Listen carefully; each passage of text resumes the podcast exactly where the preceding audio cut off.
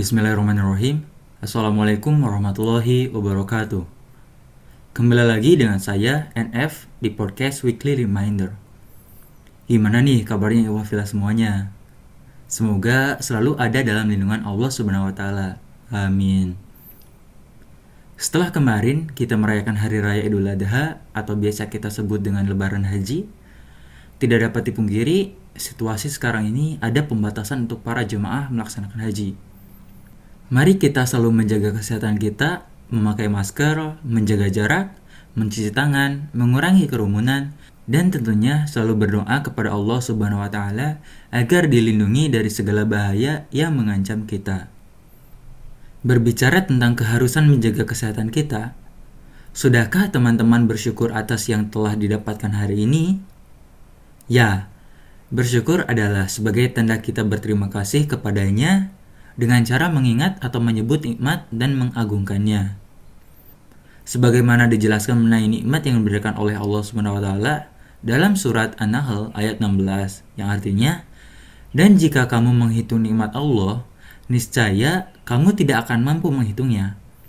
Sungguh Allah benar-benar Maha Pengampun, Maha Penyayang.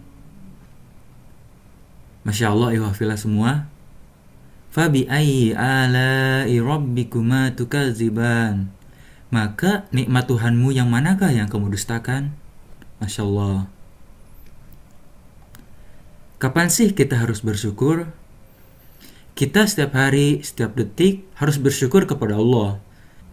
Karena nikmat yang telah diberikan kepada kita dari Allah Subhanahu wa taala itu tidak henti-hentinya.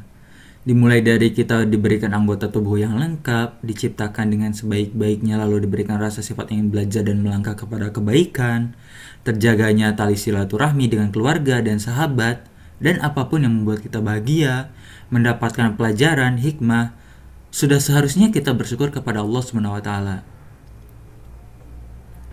Bagaimana sih cara kita untuk bersyukur kepada Allah SWT? Nah, ada tiga cara manusia untuk bersyukur kepada Allah Subhanahu wa taala, yaitu yang pertama, bersyukur dengan hati. Syukur hati berarti meyakini dengan sepenuh hati bahwa segala nikmat yang diperoleh merupakan karunia Allah. Segala nikmat yang dirasakan manusia berasal dari Allah Subhanahu wa taala. Dengan kesadaran dan keyakinan tersebut akan membuat hati tenang. Tidak ada rasa khawatir atau takut kehilangan nikmat yang telah diperoleh karena kita meyakini bahwa nikmat dan karunia adalah pemberian Allah Subhanahu wa taala. Sehingga Allah Subhanahu wa taala berhak untuk mengambilnya kembali jika Dia menghendaki. Selanjutnya yang kedua yaitu bersyukur dengan lisan. Memperbanyak memuji Allah Subhanahu wa taala atas karunia yang diberikan merupakan salah satu cara bersyukur dengan lisan. Yaitu dengan mengucapkan alhamdulillah atas nikmat yang telah kita rasakan. Selanjutnya yang ketiga yaitu bersyukur dengan perbuatan. Mempergunakan segala nikmat yang dikaruniakan menurut kehendak Allah Subhanahu taala yang telah memberikan nikmat merupakan salah satu cara bersyukur dengan perbuatan. Ini artinya nikmat tersebut harus digunakan untuk melaksanakan perintah Allah Subhanahu wa taala dan berbuat kebaikan yang memberi manfaat bagi orang lain. Misalnya, ketika dikaruniai harta kekayaan oleh Allah Subhanahu wa taala, maka bayarkan zakatnya dan lengkapi dengan infak dan sedekah untuk membantu yang membutuhkan. Iwafila semua, tahu nggak sih apa kandungan ayat dalam surat Al-Kautsar? Cara bersyukur menurut kandungan ayat surat Al-Kautsar bagaimana sih Iwafila? Ada yang tahu nggak nih? Kemarin kita baru mensyukurinya loh. Yaps, betul banget, yaitu berkurban.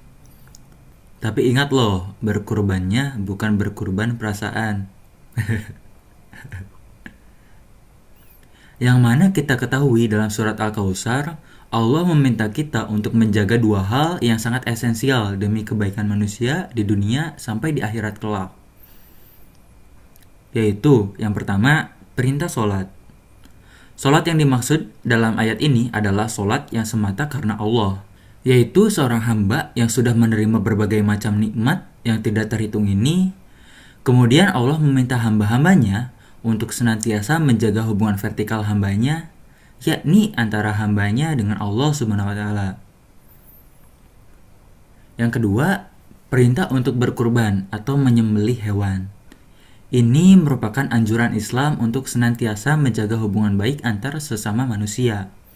Sebaik apa pun manusia di dalam ibadah, belum dikatakan baik apabila mengabaikan hubungan antara sesama manusia.